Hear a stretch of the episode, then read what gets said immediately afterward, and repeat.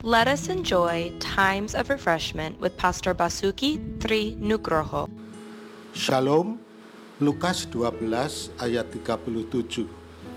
Berbahagialah hamba-hamba yang didapati tuannya berjaga-jaga ketika ia datang.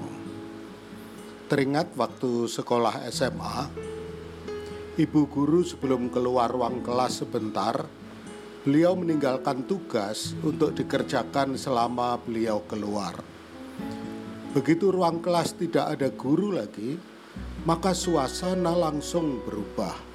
Ada yang terus mengerjakan tugas, ada yang bermalas-malasan, bahkan ada yang kemudian asik melakukan hal-hal lain yang sama sekali tidak berhubungan dengan tugas tadi.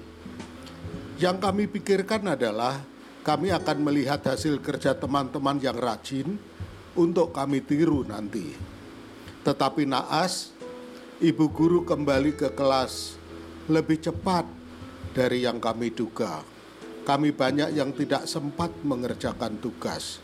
Masing-masing mendapatkan sesuai dengan apa yang dikerjakan.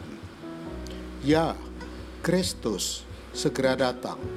Ini bisa segera namun bisa tiba-tiba. Berita baik atau burukkah kedatangan Kristus yang kedua kali bagi kita? Berita gembira atau berita yang menakutkan? Tuhan memberkati.